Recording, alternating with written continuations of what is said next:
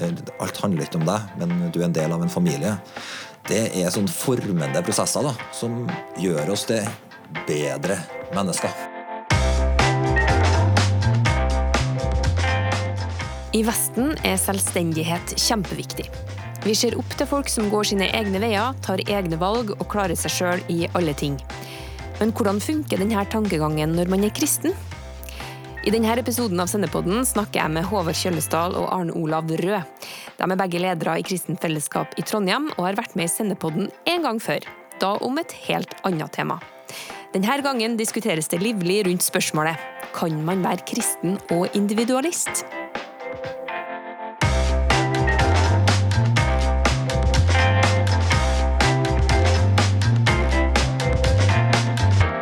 God dag. Vi er i gang med sendepodden nummer 70, faktisk. Oi, det er jo helt fantastisk. Det er jubileum. Og i studio så har jeg med meg Arne Olav Rød, redaktør i Sennep, og Håvard Kjølsdal, leder i Kristent Fellesskap Trondheim. Og det er reunion, folkens. Yes, finally! Finally, Dere var med i en episode helt i starten av Sennepod-karrieren. Var ikke det noe sånt? Ja. Første året, ja. Første året, ja. Nå er det tredje året. Andre året. Ja, Nå er det i hvert fall seinere. Fjerde året. Og dere er tilbake. Sammen. Finally. Det er godt, altså. ja, så bra. Um, Håvard, kan du si noe artig om deg sjøl? Ja, altså det Bakgrunnen for at jeg var med i den første episoden, da, det er jo at jeg har i bioen min eh, på Sennep, som der jeg av og til leverer artikler med veldig ujevne mellomrom. Så, og Der står det at eh, mine favorittfilmer er da Sound of Music og American Gangster.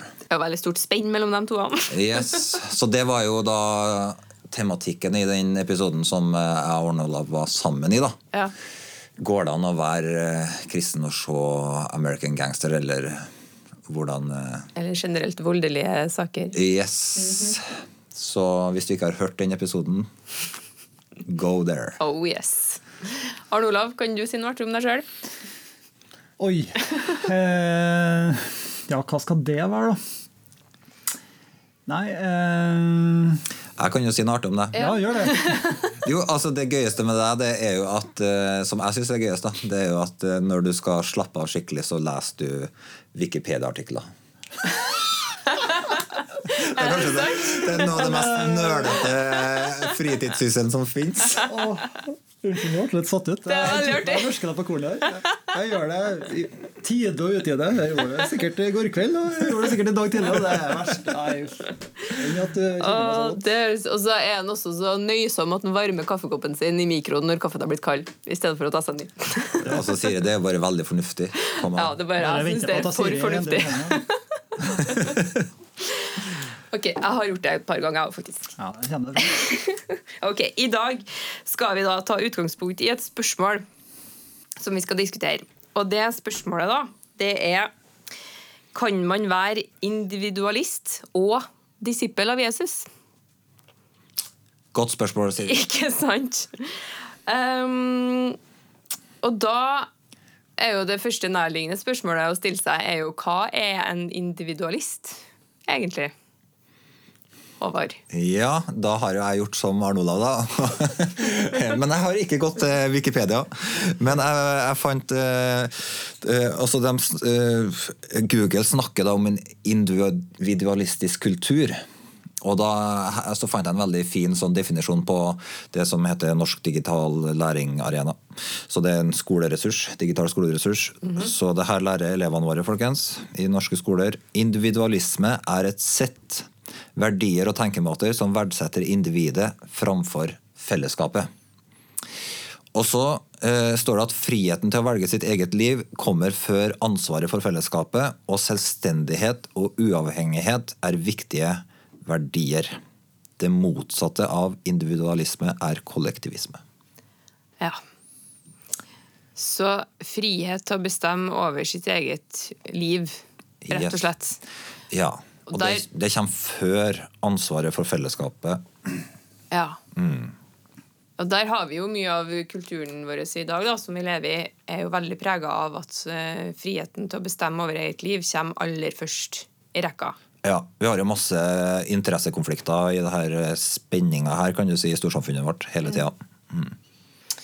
Og så er jo spørsmålet, da Kan man være individualist når vi nå har skjønt hva det er, eh, og disipler av Jesus samtidig? Går det an å sette sin egen selvstendighet først når man er disippel? Arne Olav? Ja, det er det vi skal bore litt i, da. Eh, og det er klart det høres litt ut som en litt sånn teoretisk eh, problemstilling, men eh, egentlig så kjenner jeg meg veldig igjen sjøl i, i, at eh, sånne type avveininger møter hele veien, egentlig. Mitt eget liv og andres liv, som en hører om. Ja. Eh, fordi at vi bor i en kultur hvor det her er et eh, ideal. Vi ser opp til folk som er selvstendige, tar egne valg, våger å gå mot strømmen. Klare seg sjøl. Eh, klare seg sjøl. Ja.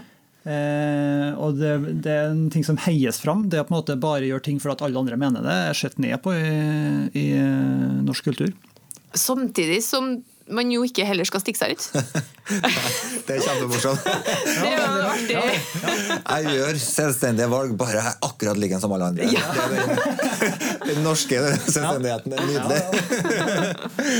ja. Og det her er jo, det kommer på en måte i konflikt med mye Du skal ikke lese lenge i Bibelen, da, for du merker at eh, Bibelen eh, formidle et annet verdensbilde og et ideal, hvor, eh, hvor, det at eh, Jesus har stått opp fra grava, og at han er herre og frelser, det stiller jo ting i litt nytt lys da, i forhold til individualismen, hvor du sjøl tar egne valg og står på egne ben og kan bestemme sjøl. Ja, ja, det gjør jo det. Men eh, liksom, du har jo det her samtidig. da. Fordi at ja. uh, Mange vil jo si at uh, den moderne, vår vestlige individualisme da, har røttene sine i protestantismen.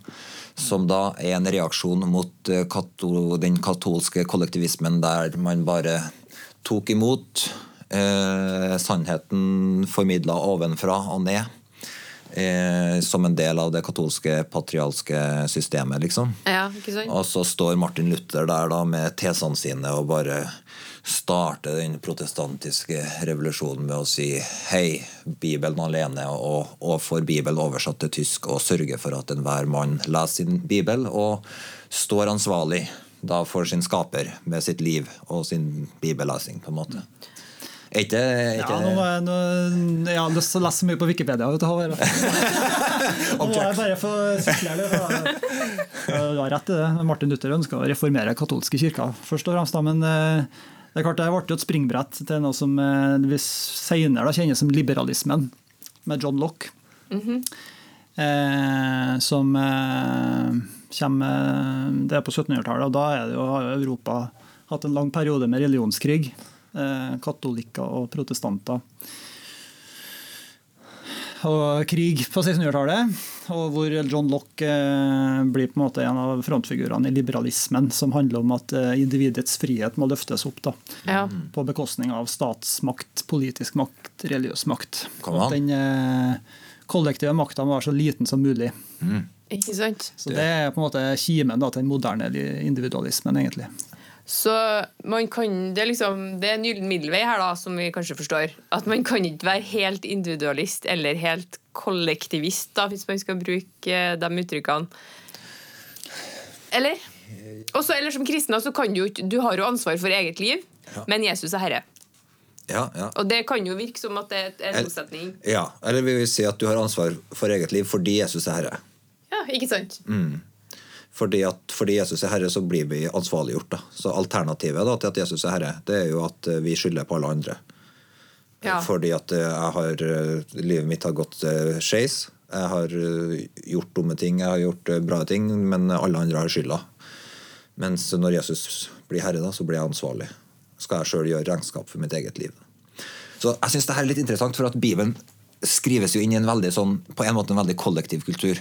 For eksempel, Isak eh, fikk kona si håndplukka av faren arrangerte det. liksom. Ja. Eh, det var standard kutyme.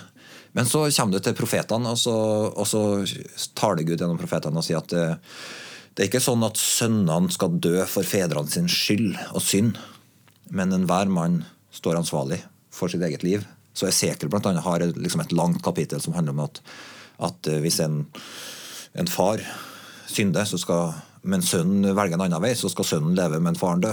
Og hvis uh, sønnen hans igjen uh, velger en urettferdig vei, så skal ikke han leve fordi mellomgenerasjonen var rettferdig. på en måte. Så, så Esekiel er veldig sånn, han bryter på en måte med den kollektivistiske tenkninga, som tydeligvis var en del av altså Han måtte adressere det fordi at det var tankegodset var da at en sønn var ansvarlig for sin fars synder, på en måte. Mm. Mens Gud hadde en annen vei. Så så Bibelen snakker jo både inn i en kollektivistisk kultur, samtidig som den òg Ja, Arne, hva tenker du? Ja, nei, Jeg skal bare supplere. Jeg er helt enig. og Jeg tror det er litt avhengig av utgangspunkt i hvilken kultur det er. For, uh, for, Bibelen er jo ikke utelukkende kollektivistisk. Nei. Men uh, i, i, vestlige kulturer så vil, jo, vil jo det, alle de kollektive tingene som forkynnes, oppleves utfordrende fordi at vi er såpass individualistiske av oss. Mens mm. det stikk motsatte er jo tilfellet i eh, ikke-vestlige kulturer med mye mer kollektiv eh, mentalitet. For da vil jo alle de, de sidene ved Guds rike-forkynnelsen som, eh, som oppfordrer folk til å følge Jesus på tross av det, det kollektive presset og det sosiale presset om å innrette seg, mm. blir en mye større case. da. Spesielt da i, i land hvor, eh, hvor kristne opplever mye forfølgelse for det å følge Jesus, selv om det vil innebære å være en minoritet og en, en motstrømsbevegelse. Ja, og du hadde en replikk her, Håvard. Nei, det, det, er helt ok. Var ikke så viktig? Nei. ok. Så Bibelen er da altså både kollektivistisk og individualistisk?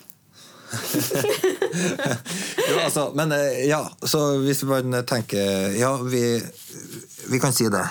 Kan ikke vi det? At eh, vi er sjøl ansvarlig. Ja. Eh, så det tar oss ut, hjelper oss ut av en kollektivistisk tenkning der vi på en måte er en del av et kollektivt vi som som ikke har noe egen stemme ja. eller egen ansvarlighet. ansvarlighet. Ja. Ja. Men, men, samtidig så, så og, og, det her som jeg, jeg tror det er den andre sida, da.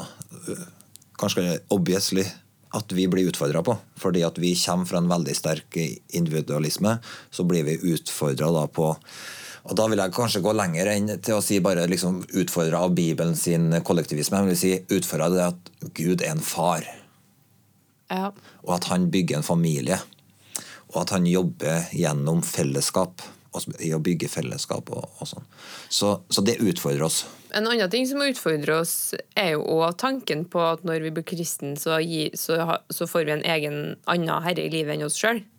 Absolutt. Det er jo på en måte eh, det største Jeg husker For meg så var det sånn der eh, når vi begynte å snakke om dåp i vann, og sånn, så var det jo sånn der Det var mitt sånn der største og herlighet. Skal jeg virkelig gjøre det her, liksom? Yes. Skal jeg, skal jeg på en måte Eh, det var en så stor eh, fordi, fordi, det er en sånn eh, veldig synlig greie. Og det er noe mm. som man gjør fysisk med kroppen sin. Liksom, og det er noe som man ikke kan stikke under en stol. og Man kan ikke gjemme bort at man skal bli døpt i vann. Liksom, det går mm. ikke an.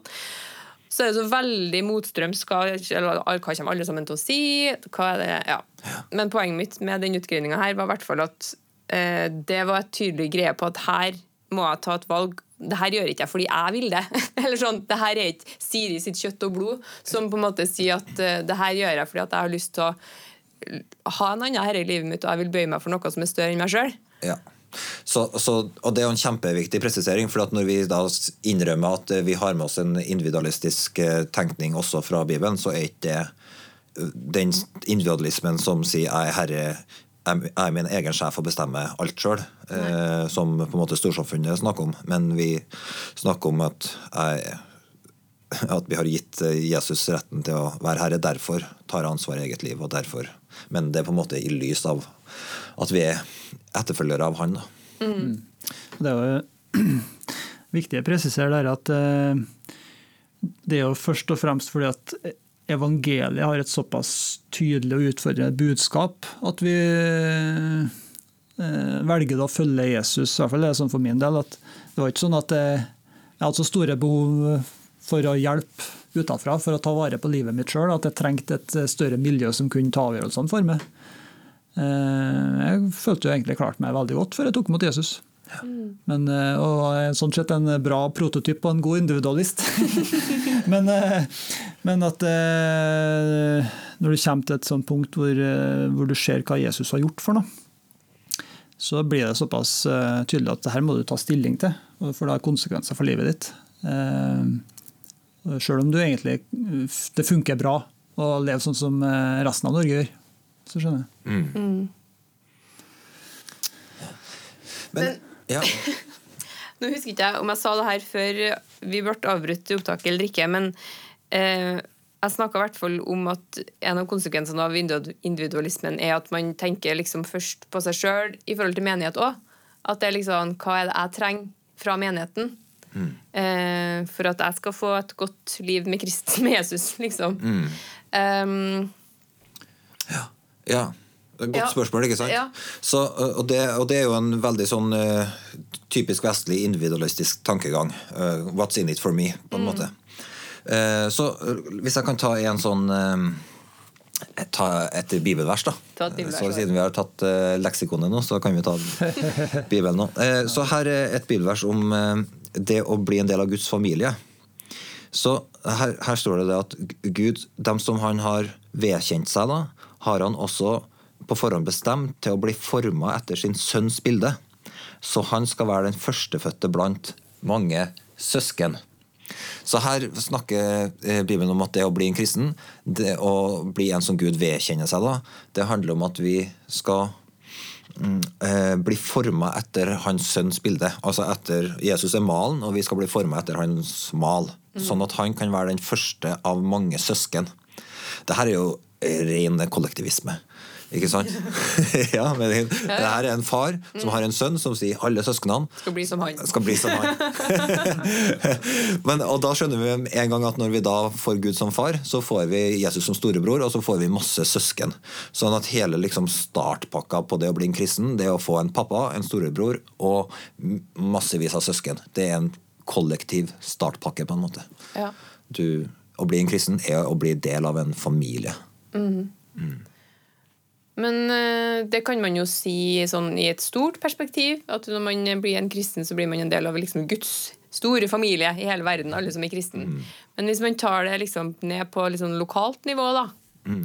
eh, Hvilke konsekvenser får det for eh, hvordan vi lever som kristne i menighet? Mm. Når vi tenker på den måten? Jeg kan begynne, altså jeg tror For det første så er det viktig å avlyse alle forestillinger om at uh, om at det er en uniformering. Og at alle sammen skal bli mest mulig like, like pastoren eller eh, frontfiguren i menigheten. Ja. Men at det, det, å være en søskenflokk betyr at det er mye forskjellige personligheter ute og går òg. Mm. Eh, og det er jo viktig å snakke om, for det. Eh, menigheter er jo på en måte miljøer hvor det fort kan oppstå at en ser etter feil ting, etter feil idealbilder. At rett og slett, det er ikke noe mål at alle sammen skal bli kliss like og oppfører seg og snakke likeens. Eh, så det er ei side ved det. Og, hva, hva, tenker du den forminga ligger, da? Liksom, eh, kanskje this is claiming the obvious, men liksom når vi snakker om at vi skal bli forma etter sønnens bilde Hvis vi ikke skal bli kliss lik, hva er det den eh, forminga foregår i? da? Oi, ja. Eh, det handler jo i bunn og grunn om å eh, ta imot og høre nøye på hva er det Jesus lærer oss og vil med livet vårt. Eh, og det er på et sånt plan at eh, det får fram litt ulike ting hos oss, fordi vi er utrusta litt forskjellig naturlig sett, og overnaturlig sett for så vidt. At at uh, du kan være en disippel selv om du er litt sånn skeptisk anlagt, sånn som meg, da, eller uh, mer optimistisk anlagt, sånn som Håvard. eller litt sånn liksom, surrete anlagt. Sånn ja, eller surrete, som sier det. men, uh, men, at Jesus får sette preg på verdiene, hva som er viktig. hvordan vi forstår verden rundt oss, og hva det Jesus befaler oss å gjøre. På en sånn måte at at vi eh, beveger oss ut fra det han gir oss å se. Og så eh, er det, siden vi er en kropp, så besitter vi jo ikke helheten alle sammen. Men at ved å snakke sammen og leve sammen, så vil vi jo bringe fram forskjellige sider ved det totale bildet av hvem Jesus er. Ja, jeg tror ikke at man skal være så redd for å være litt annerledes. Eller sånn man, det er nok av homogene menigheter rundt omkring. Det kan man jo se på ja. bare våre lokale menigheter. Det er litt sånn, det er mye folk som er i samme situasjon og ja. samme type jobber og liksom sånne ting. Sånn at det er jo på en måte Jeg tror nok noe av det å vokse og modnes som en kristen òg handler om å omfavne litt at man er, man er seg sjøl. Ja, ja. på en måte, på godt og vondt. Ja, Man skal ikke kimse av de greiene der. Altså, jeg husker sjøl, vi har holdt på i 20 år nå siden vi starta, men det er klart de første årene for min del var ganske tøff eh, sammenligna med mye. og syns Håvard var imponerende på veldig mange ting som jeg sjøl følte ikke var så veldig god på. Ja, og det, det, var en, en reell eh, ting som var litt vanskelig å forholde seg til for min del. Mm. Men uh, nå er jeg på en litt annen plass i dag og har liksom slått meg litt mer til ro. at Det er jo greit at jeg er skrudd sammen litt annerledes. For det er en stor åpenbaring det der å skjønne at man er forskjellig, ja, og at ja. det er en bra ting. Ja. ja. Det er det. Ja. Så det er et sånt lite sånn, eh, på en måte et paradoks i det her. At Gud på en måte inviterer oss inn i familien hans til å bli forma etter Jesus sitt forbilde, og, så, og sammen med søsken. da. Eh, og så samtidig så er på en måte resultatet av det er liksom masse ulikhet, fargerikhet, uh, ulike personligheter, ulike Ja. Det er liksom uh, til og med liksom ulike meninger og sånne ting. tenker jeg. Ja, og det er interessant. Hvordan skaper man da et rom i menigheten og takhøyde nok til at det er greit?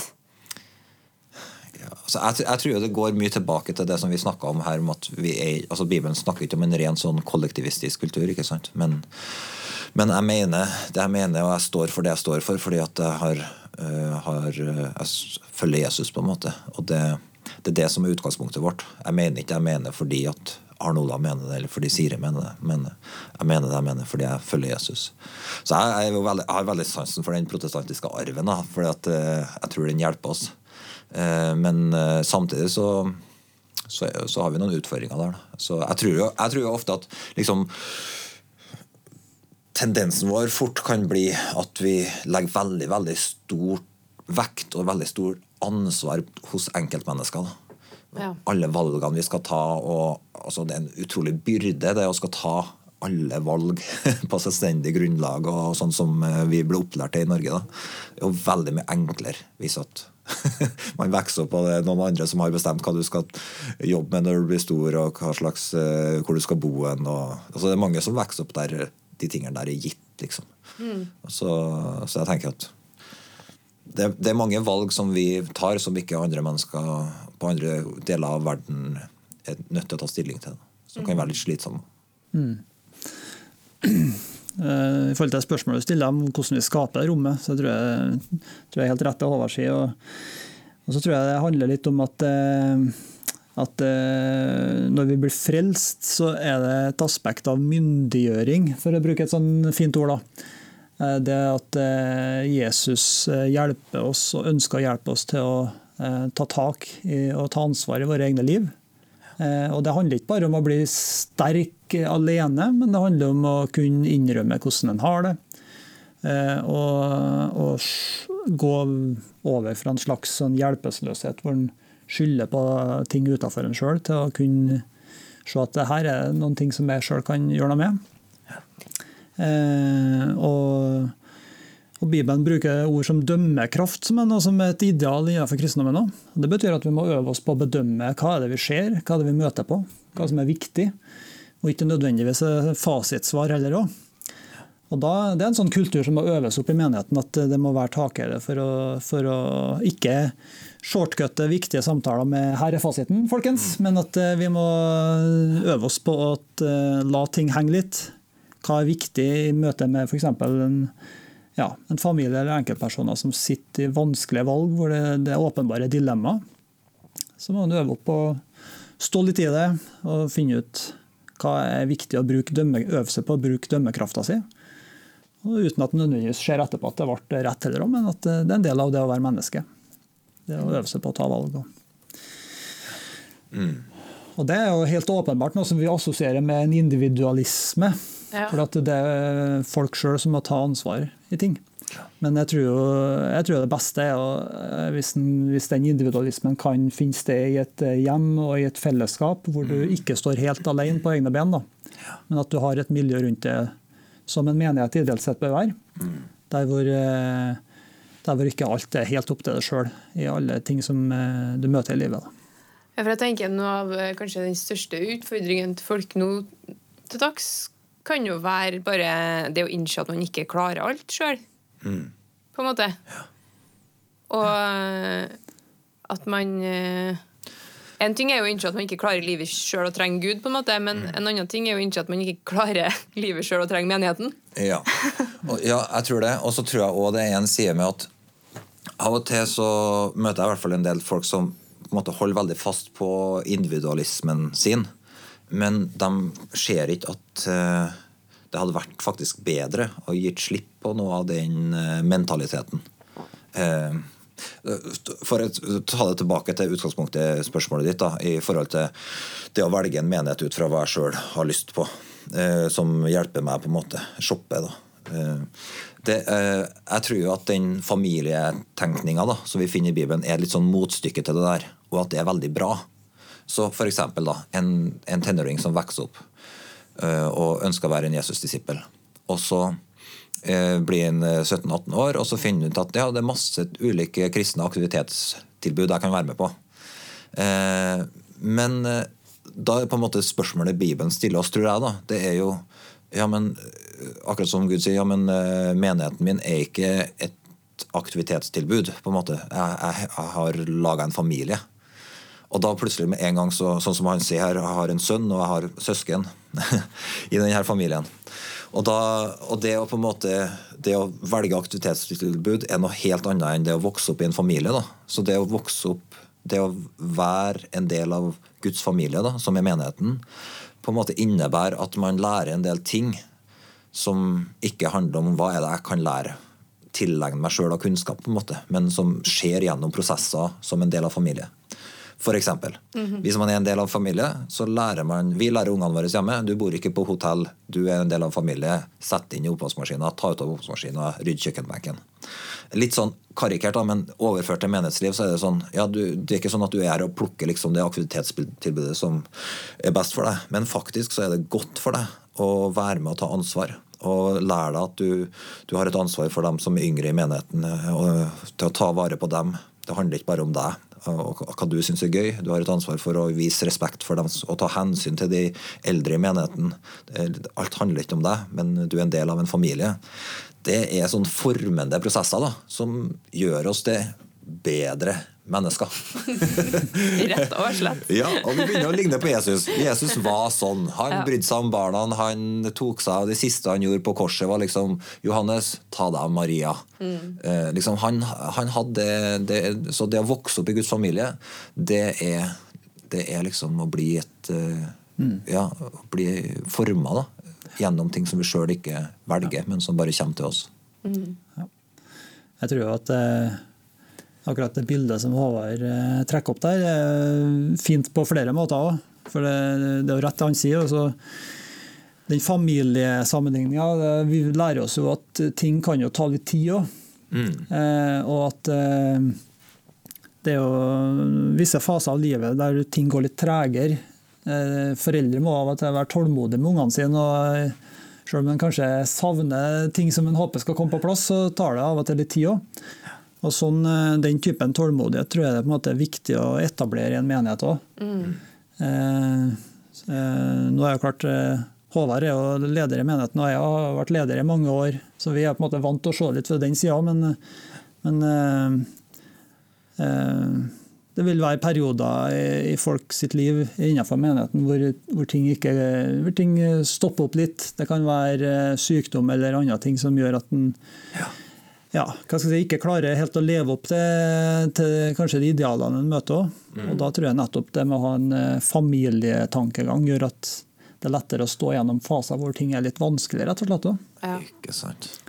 Det er jo Jeg kan jo bare snakke for meg sjøl, men jeg merker jo i hvert fall at min hva skal man kalle det da, åndelige reise, eller noe sånt, mm. eh, har jo tatt Eller sånn det tar jo tid å komme fram til en plass der man kan være med å gi.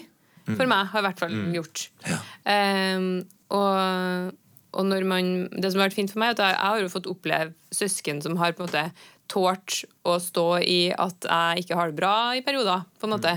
Og tålt å høre på uh, det jeg har behov for å snakke om. Og da lærer man seg jo også å være den personen for andre etterpå. Ja, det, det er helt sant. Og nå begynner jeg å få oppleve å få være det, og det er jo bare helt fantastisk. Ja. Men for, for individualismen er jo, er jo egentlig veldig ensom i liksom sin natur. At Ja. ja. Sjøl om man på en måte det, altså det, den her Karikaturen er jo på en måte den personen som skrur eh, livet sitt til det perfekte, og så ender opp med å bare se seg rundt og tenke at nei, alt det Jeg har huset, jeg har bilen, jeg har den eh, vakre fasaden og alt, men egentlig så sitter jeg her helt alene. Mens eh, jeg syns det er helt fantastisk på en måte det her erfaringa av at man møter Jesus, blir født på ny, får en ny familie, og så tilhører man Guds familie, eh, som er da et fellesskap av mennesker som tilhører hverandre, egentlig. Ikke fordi jeg har en rolle, eller at jeg har en god dag, eller at jeg presterer, eller noen ting, men fordi jeg bare, det er bare fordi eh, Jesus elsker meg, og jeg har gitt livet mitt til han, så tilhører jeg denne fantastiske familien. Så for meg så, jeg må si noe av det sterkeste sånn uttrykket for Guds familie som jeg ser, det er liksom det her skiftet som en del kan gå gjennom som kristne, som er veldig sånn rolleorientert. Der liksom, ja, jeg deltar på kristne aktiviteter fordi jeg har en rolle liksom eh, i et eh, gudstjeneste. At jeg kan ha, ha, være en som leder musikk eller forkynner eller leder et møte. Og så men så kan det skje ting i livet som gjør at nei, men jeg, jeg kan ikke fylle rollen min. Men så plutselig så oppdager jeg nei, men det, det handler ikke om det. Det handler rett og slett om at jeg tilhører Guds familie. Så det her skiftet fra at folk liksom ja, jeg er sliten så jeg må holde meg hjemme fra menigheten når den samles, liksom, til å tenke at nei, jeg, i dag er jeg så sliten at jeg bare må eh, komme på menigheten sin samling fordi at jeg trenger å bli styrka, ikke fordi at jeg trenger å levere noen ting. Eh, eller, men jeg hører til fordi at jeg hører til Jesus, på en måte. Så det, når mennesker oppdager det, så plutselig så blir det ferdig med alle sånne ytre krav. på en måte. Og så møter du bare Gud, og så finner du at oi, jeg hører til et hjem. Ja, Uansett hva jeg kan prestere. Ja. Du er, du er der fordi at du hører Jesus til, på en måte. Ja. ja da. Nei, det, det er på en måte dit vi må komme, klare å bevege oss, tenker jeg. For det er klart at eh, ja, det å bo i Norge er på en måte å omgi seg med ganske mye idealer òg. Vi er jo en av de landene som skårer høyest på statistikk når det gjelder sosiale normer. Det var vel på tredjeplass i verden, tror jeg. Det er ganske Det er litt sånn eh, snedig å tenke på, men, eh, men det er klart at eh, det, å, det å ta seg dit og lytte litt til det Håvard sier, som, som er på en måte en av en, ja, en typisk menighetsleder, vil jeg si. Ønsker på en måte folk velkommen til et hjem, og så er det så lett på den andre sida å sitte og avskrive seg sjøl. Jeg har følt på at ikke en lever opp til ting og tang, ønsker å være hjemme, som en sier, fra gudstjenesten, for en orker ikke å la ikke krefter da, til, å, til å bidra der en kanskje ofte bidrar. og så det å da heller få signalisert at ok, det, det er greit at ikke du er med og bidrar, men du kan gjerne komme og sitte og høre på for å bli frisk, forfriska i din ånd. Si. Eh, Så det, det å klare å komme dit, at en ja, er ærlig litt med hvordan ting er, og at eh, vi er en familie litt uavhengig av hvor eh, mye en strekker det i forhold til de idealene som, og den dugnads- og frivillighetskulturen som vi har. og Det tror jeg er en veldig viktig samtale. Da. Mm. Ja. Fordi at eh, ja, og det tror jeg, det tror jeg er en sånn erkjennelse av, av det å følge Jesus. Det er på en måte å eh, det er et ideal. Det, det er å begi seg ut på et veldig idealistisk liv. Fordi at vi, ja, vi elsker Jesus og det står en dyp takknemlighetsgjeld til hva han har gjort for oss. Og Det gjør at vi ønsker å strekke oss mye lenger enn, eh, enn kanskje mange av dem som vi omgås ellers i livet. Og Da er det ekstra viktig tror jeg, å etablere det rommet hvor en kan, eh, ja, kan våge å være sårbar og innrømme at eh, nå trenger jeg et lite hvileskjær, og så er jeg klar igjen, liksom. Ja, ja, for det er jo der man kan brenne seg ut da, hvis man, den idealismen blir for stor. Eller hvis man ikke enten på en måte tørs fordi at lederne sier at det er viktig at jeg kommer på møte, så derfor må jeg på møte uansett hvordan jeg føler meg. liksom. Eller at man eh, eh, jobber ut av en pliktfølelse. Ja. At man må. Så det er, jo, det er jo en krevende øvelse egentlig da, å komme seg til en plass der du kan på en måte med god samvittighet si at i dag kommer ikke jeg. Ja. Ja, det er kjempeviktig. ja. Ja, Nei, altså det, og det er veldig vanskelig. Jeg tror det er alle sammenhenger der man på en måte er sammen om noe, så opplever man et sosialt press. Ja. Det, om du er, det er samme hvor mange kjekspakker klarer du å selge for idrettslaget ditt? liksom? Eh, kom igjen, da, folkens. Nei, men jeg har ingen tanter i byen. liksom. Jeg klarer å selge én kjekspakke til naboen, men that's it. liksom. Ja. Og så sitter du der med saksa og liksom, Eller hva heter det? Skjegg i postkassa. Ja, skjegg i postkassa. Ja. altså, det, så det er en faktor, menneskelig faktor i det her. Er, men, mm. men, det er kjempeviktig, det du sier der også, Siri. Det med å kjenne på en samvittighetsfrihet i forhold til menneskelige forventninger. Ja.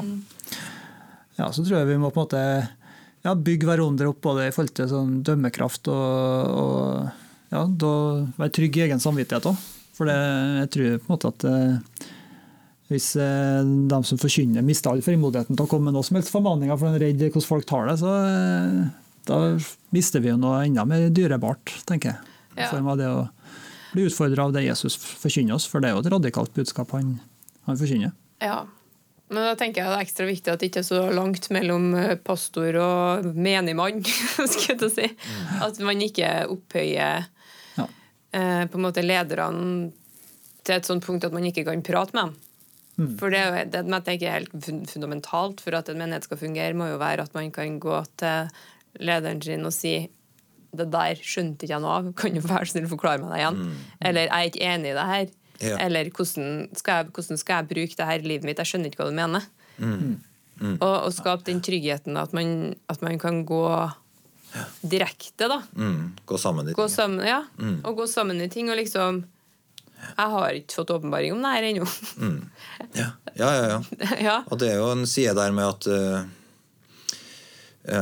Med at uh, i, i, forhold til det vi snakka med det personlige ansvaret, at vi vi er ikke forplikta til, til, å mene det samme som alle rundt oss. Men uh, samtidig så lever vi på en måte i en, uh, ja, i en forpliktende relasjon til hverandre når vi gir oss sjøl til Jesus. Da. Så den dynamikken der er sånn Ja, det, det er et spenningsfelt. Ja. Mm. Absolutt. Nå har vi faktisk holdt på i uh, eh, 35 minutter. Ja. Er det jeg føler kanskje det kan være lurt å gå mot en liten avslutning. Mm. Men um, Håvard, er det noe du brenner inn med? Ja, altså, du kunne ha stilt meg spørsmålet Bare kom med det. ja. Jo, uh, i forhold til uh, Altså, hva er hva er de største utfordringene våre som individu en individualistisk kultur da, i ja. møte med Bibelens kollektivisme? Hva, hva, er det vi ikke ser? Godt spørsmål, Håvard. Hva er det vi ikke ser? Nå husker ikke jeg spørsmålet engang. Hva er de største utfordringene vi møter? Ja, altså, altså Siden vi er en individualistisk kultur, ja. hva er det som er vanskeligst for oss? Ja. Mm. Du kan jo få stille det spørsmålet. Ja, Hva er det som er vanskeligst for oss eh, når vi er en individualistisk kultur? Når vi møter Bibelen Nei, nå ble det varmt her. Still spørsmålet til deg sjøl, du. Ja, altså Et sånt spørsmål da, som, eh, som, er veldig aktuelt, tenker jeg, det er det her med uh, altså Når vi er så prega av individualismen som vi er i Norge, da, mm. kanskje et av de mest altså Arnold sier vi er et av de mest normstyrte, altså fellesnormstyrte, og samtidig så har vi det her idealet med å være individualister. Men hva er det som er slagsida vår da, i møte med Bibelens budskap til oss? Mm. Det syns jeg er et interessant spørsmål. Mm.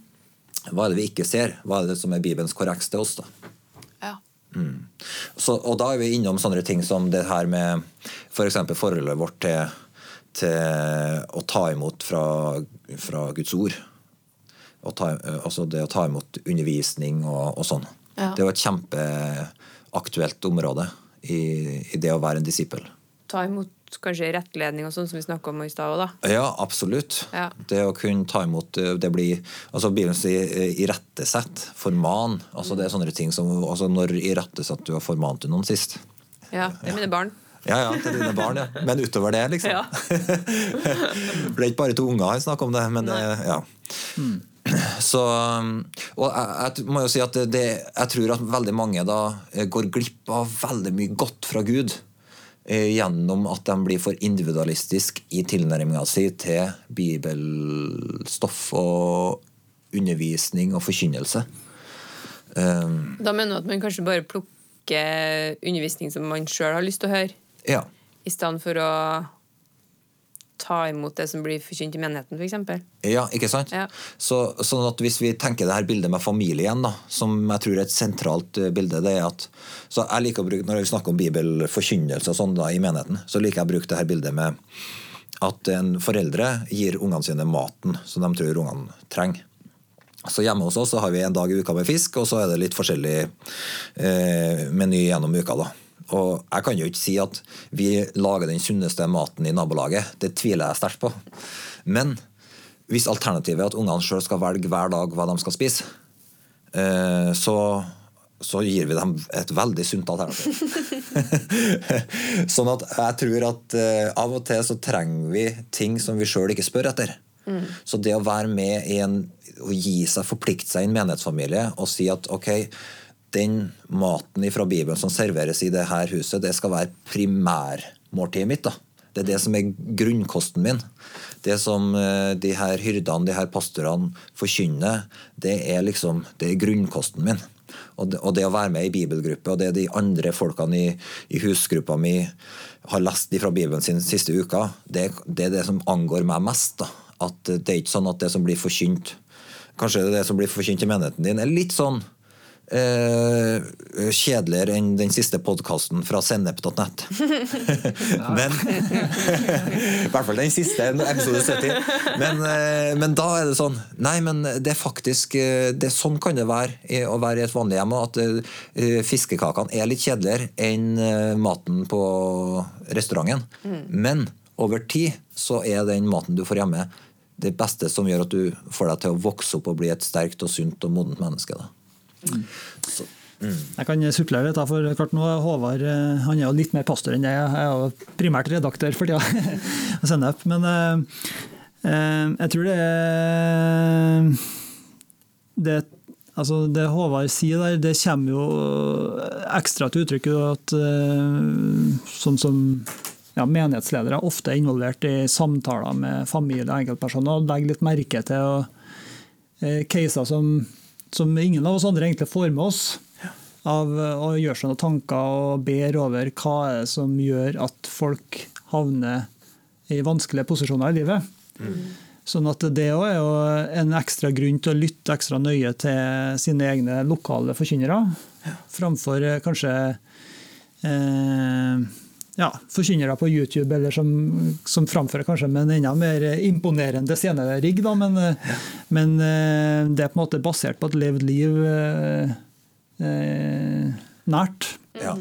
Så, som gjør at, eh, at det er lurt å lytte ekstra nøye fra dem som våker over det, og som eh, ber over for deg og familien din, f.eks. Mm. Uh, og det er noe som en ikke nødvendigvis tenker så mye over når en er ja, når en er med i kirka, det er det andre som eh, leder menigheten. Mm. Um, så, ja. Ja, jeg, jeg, tror det er en kjempegod ting det her å kunne ta fysisk, kunne være i stand Du må kunne berøre og se de folkene som gir deg Guds ord, og kjenne dem. Mm. Så, det, det, er en trygghet å vite hvordan er det denne personen som underviser meg på søndag, hvordan er ungene eh, hans? Har de det bra? Mm. Trives de? Har de blir de mindre og grå og redd, eller er de glad og opplever frihet og, og blir styrka i livet. Og så De her tingene her har betydning. da. Ja. Eh, og Det er klart det kan være masse faktorer som virker inn på en sånne ting, men at du er nært nok til folk som gir deg Guds ord, til at du kan se livet deres og se har de en god frukt av livet sitt. Mm. Og er det her et eksempel som jeg kan etterfølge? fordi at Folk kan undervise så mange forskjellige ting fra, fra Bibelen, men uh, de her typiske YouTube-forkynnerne, du har ikke nærhet til dem. Du kan ikke etterprøve leve dem det de forkynner. på en måte. Men det å vite at de som gir deg Guds ord, dem kan du drikke en kaffekopp med og snakke med og stille spørsmål til og mm. reise motforestillinger til, og det er noen som holder dem ansvarlig, mm. det, er en, eh, det, er, det er et lurt, et lurt, en lur måte å leve på, tror jeg. Ja. Mm. Jeg tror det, så klart jeg må høre Håvard rett i det her, og jeg tror ikke det liksom Må ikke bikke i andre grøfter og tenke at det er forbudt å høre på noe annet. Men det, det er, Du trenger ikke å slutte å høre på Sennep. nei, nei. Men, eh, men eh, det handler litt om å sørge for å få den inputen som blir, gjør det til, en, eh, til det lemmet på Kristi legeme der du er. Ja, det er nøyaktig det. det det det Ja, det er det som er poenget mitt. Ja. Så måltidet, så når en familie spiser sammen, ikke sant?